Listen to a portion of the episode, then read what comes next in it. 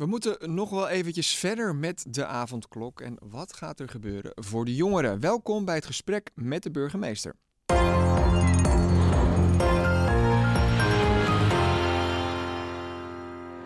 Ja, van harte welkom, mevrouw. Halsema.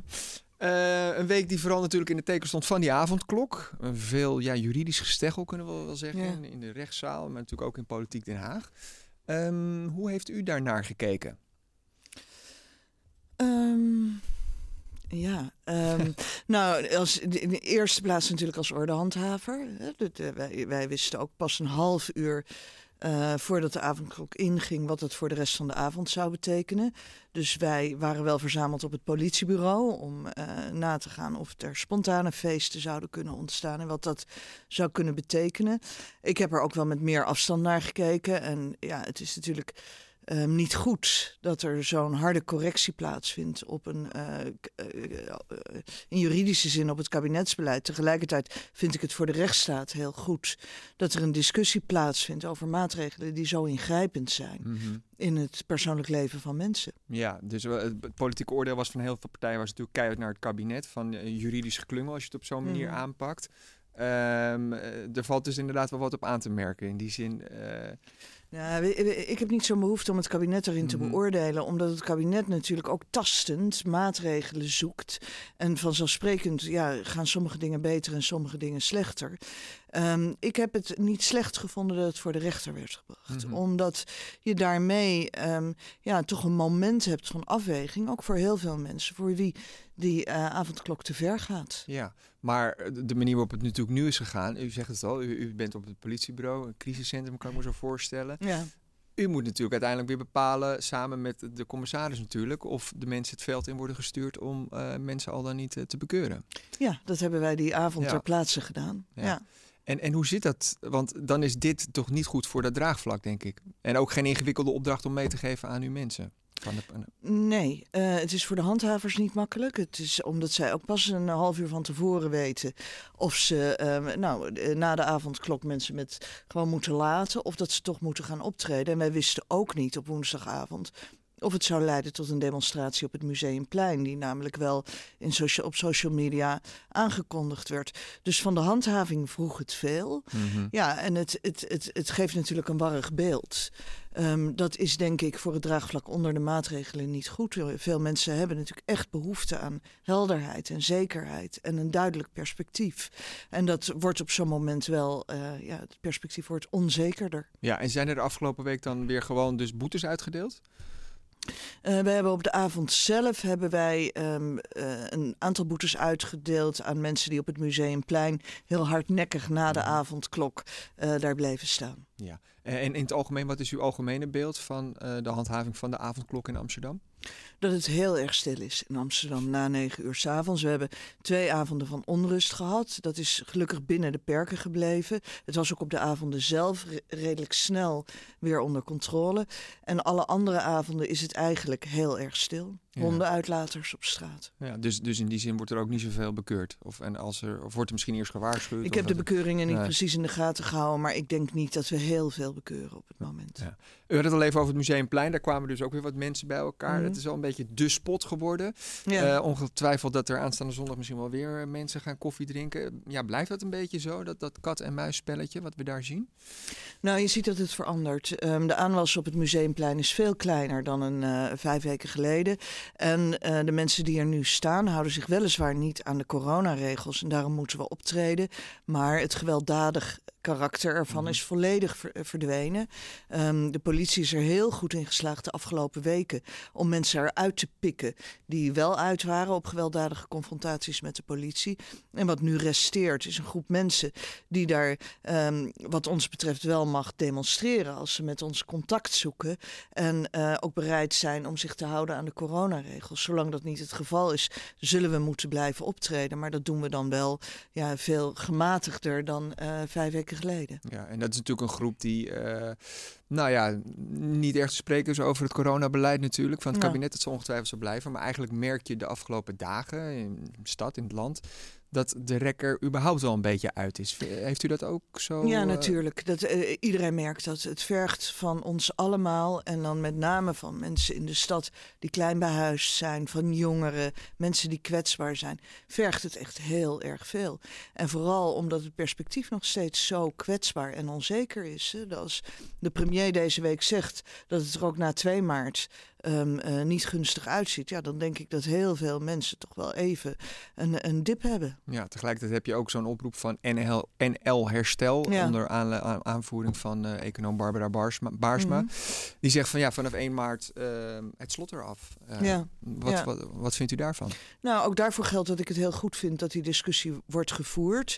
Ik heb zelf natuurlijk een oproep gedaan met een groot aantal maatschappelijke organisaties om uh, jongeren voorrang te gaan geven. Ja. Um, kijk, ik voeg mij als bestuurder naar de adviezen van OMT en RIVM en naar de beslissingen die het kabinet daarin neemt. En daar geven we uitvoering aan. En tegelijkertijd kan ik me er ook niet aan onttrekken dat natuurlijk de economische en sociale gevolgen van de coronacrisis echt heel groot zijn. Ja. En, en er diep in hakken. er stond vandaag nog in het parool dat uh, de schulden bij Amsterdammers heel erg snel toenemen. Ja, dat is een hele hoge prijs die wordt betaald. Ja, maar een onvermijdelijke prijs is eigenlijk. Kijk, um, uh, het moet natuurlijk moet het besmettingsrisico echt verder teruggeduwd worden. Ja. Want anders dan heb je een grote kans dat we dan even weer van vrijheid kunnen genieten. En dan vervolgens volgende maand weer met de gebakken peren zitten. En wat ik denk dat echt heel belangrijk is, is dat als we nu geleidelijk onze samenleving weer meer open kunnen gaan stellen, dat dat dan ook duurzaam is. Mm -hmm. Dat het dus niet open, dicht, open, dicht, maar dat als langzaam maar zeker. Kijk, ik hoop dat de scholen zo snel mogelijk open kunnen. Um, het, Vanaf 1 maart ook al? Ik, als, als dat zou kunnen, dan zou ja. ik dat echt heel fijn vinden. En dat geldt maar voor het kan VO. Dat? Want kan dat op basis van de huidige cijfers? Dat kan dus niet? Dat kan ik niet beoordelen. Nee. Dat oordeel uh, dat is aan het kabinet op basis van het advies van het OMT en RIVM. En volgens mij wordt daar vandaag en morgen over vergaderd. Dus dat wacht ik gewoon af. Maar ik hoop wel dat dat het eerste gebeurt. Alhoewel ja. ik Schoolbestuurders natuurlijk... zelf hebben al een beetje het initiatief genomen. Of die hebben Ja. al aangegeven dat ze dat echt willen gaan doen. Ja. Ja. Wat vindt u daarvan?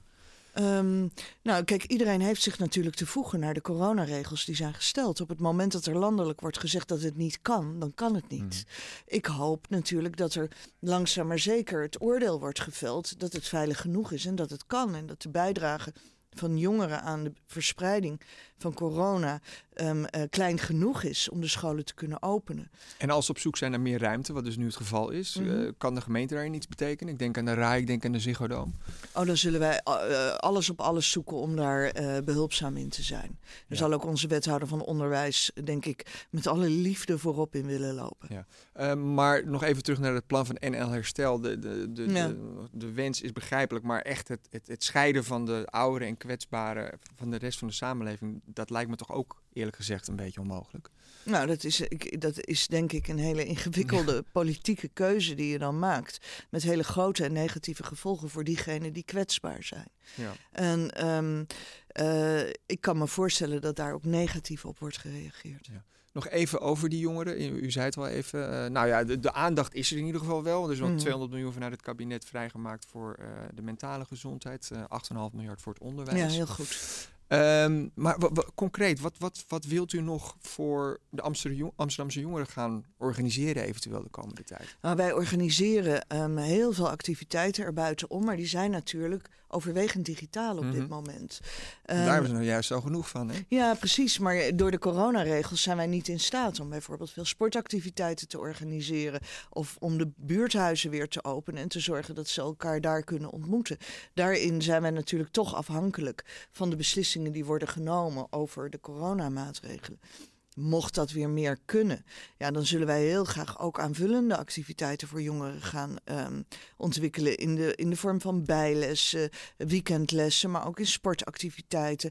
En ervoor te zorgen dat jongeren toch ook de eenzaamheid, waar ze heel veel Mhm. last van hebben, ehm, het isolement, de verveling, achter zich kunnen laten. En zijn die gesprekken dan nog gaande? Dat we bij wijze van spreken, als het zijn groen eh, wordt gegeven, meteen stadspelen hebben in de stad? Ik zeg maar even iets. Daar er worden heel veel voorbereidingen getroffen. Getroffen. Dat wordt eigenlijk al lange tijd gedaan. Zoals we vorige zomer natuurlijk ook midzomer Mokum hadden. Dat hadden we ook van de winter. Waarbij er een heel groot aantal activiteiten voor jongeren is georganiseerd. Vindt u ook, want dat las ik ook volgens mij in uw oproep, dat jongeren, als dat kan, voorrang zouden moeten hebben bij het vaccineren? Um, nou, wij hebben de vraag opgeworpen of na um, uh, uh, het vaccineren van de kwetsbare groepen opnieuw gekeken kan worden naar jongeren. Dus, ja, wij hebben, wij hebben ons niet verzet tegen, laten we zeggen, de voorrang die nu aan kwetsbaren wordt gegeven. Maar, maar volgens de planning. Is anders dan, ik bedoel, het lijkt me toch logisch dat die als echt als eerste aan de beurt zijn? Of? Nou, maar niet in de plaats van kwetsbaren. Dat hebben wij niet voorgesteld. Nee, Wat wij hebben voorgesteld is om daarna heel snel voorrang aan jongeren te geven. Om daarbij veel meer oog te hebben. Niet alleen voor de mensen die kwetsbaar zijn om ziek te worden, mhm. maar om ervoor te zorgen dat diegenen die het verspreiden en niet ziek worden, kunnen worden gevaccineerd, waardoor ze um, eigenlijk weer vrij kunnen zijn. Ja. Uh, dat ging een beetje over de grote bubs die straks dan als uh, nou, we hopelijk met z'n allen een beetje aan de beurt zijn natuurlijk. Mm -hmm. uh, desalniettemin denkt ook niet van, nou ja, het is nu heel zwaar, maar toch lente in aantocht, eh, vaccinatie, goed nieuws over die blaastesten, dat die toch mhm. door kunnen gaan. Is het ook niet een kwestie van, jongens, het is ontzettend zwaar, maar laten we nog even de tanden op elkaar zetten? Ja, dat is natuurlijk. We hebben geen andere keus. Dus dat is inderdaad zo. We zullen de tanden op elkaar moeten zetten. En ik denk dat Amsterdammers hebben laten zien dat ze dat ook kunnen. Hm. En dat ze daar, um, en nou ja, ik heb het al vaker gezegd, daar verdienen ze ook een enorm compliment voor. Want wij zijn er in deze stad in geslaagd, ondanks dat we zo dicht bevolkt zijn om het virus toch behoorlijk terug te dringen. Waardoor Amsterdam al lang niet meer aan de top staat van, van, van grootste risicogebieden. Dus Amsterdammers doen dat heel erg goed en, en trouw. En er blijft inderdaad nog gelden.